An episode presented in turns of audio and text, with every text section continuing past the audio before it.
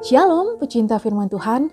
Saat ini Anda sedang mendengarkan renungan harian Diaspora Sejahtera Batu. Pembacaan Alkitab hari ini diambil dari kitab Kejadian pasal 45 ayat 16 sampai 20. Ketika dalam istana Firaun terdengar kabar bahwa saudara-saudara Yusuf datang, hal itu diterima dengan baik oleh Firaun dan pegawai-pegawainya. Lalu berkatalah Firaun kepada Yusuf, "Katakanlah kepada saudara-saudaramu, Buatlah begini, muatilah binatang-binatangmu dan pergilah ke tanah Kanaan. Jemputlah ayahmu dan seisi rumahmu dan datanglah mendapatkan aku. Maka aku akan memberikan kepadamu apa yang paling baik di tanah Mesir, sehingga kamu akan mengecap kesuburan tanah ini.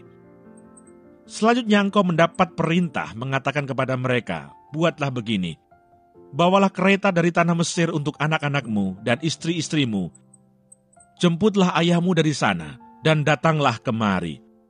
Janganlah kamu merasa sayang meninggalkan barang-barangmu, sebab apa yang paling baik di seluruh tanah Mesir ini adalah milikmu. Ayat Mas hari ini terambil dari kitab kejadian pasal 45 ayat 18. Jemputlah ayahmu dan seisi rumahmu dan datanglah mendapatkan aku, maka aku akan memberikan kepadamu apa yang paling baik di tanah Mesir sehingga kamu akan mengecap kesuburan tanah ini. Kejadian 45 ayat 18. Renungan hari ini berjudul Yang Terbaik dari Tuhan. Perjalanan keturunan Abraham yang sah tidak pernah lepas dari pengawalan Tuhan, sehingga mereka dapat tetap hidup walaupun harus berada dalam situasi yang sangat berat dan nyawa mereka terancam hilang karena kelaparan yang sedang melanda dunia saat itu.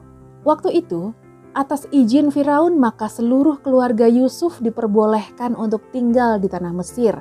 Bahkan mereka juga diberi tempat khusus. Sampai di sini kita bisa melihat bahwa pemberian Tuhan selalu yang terbaik.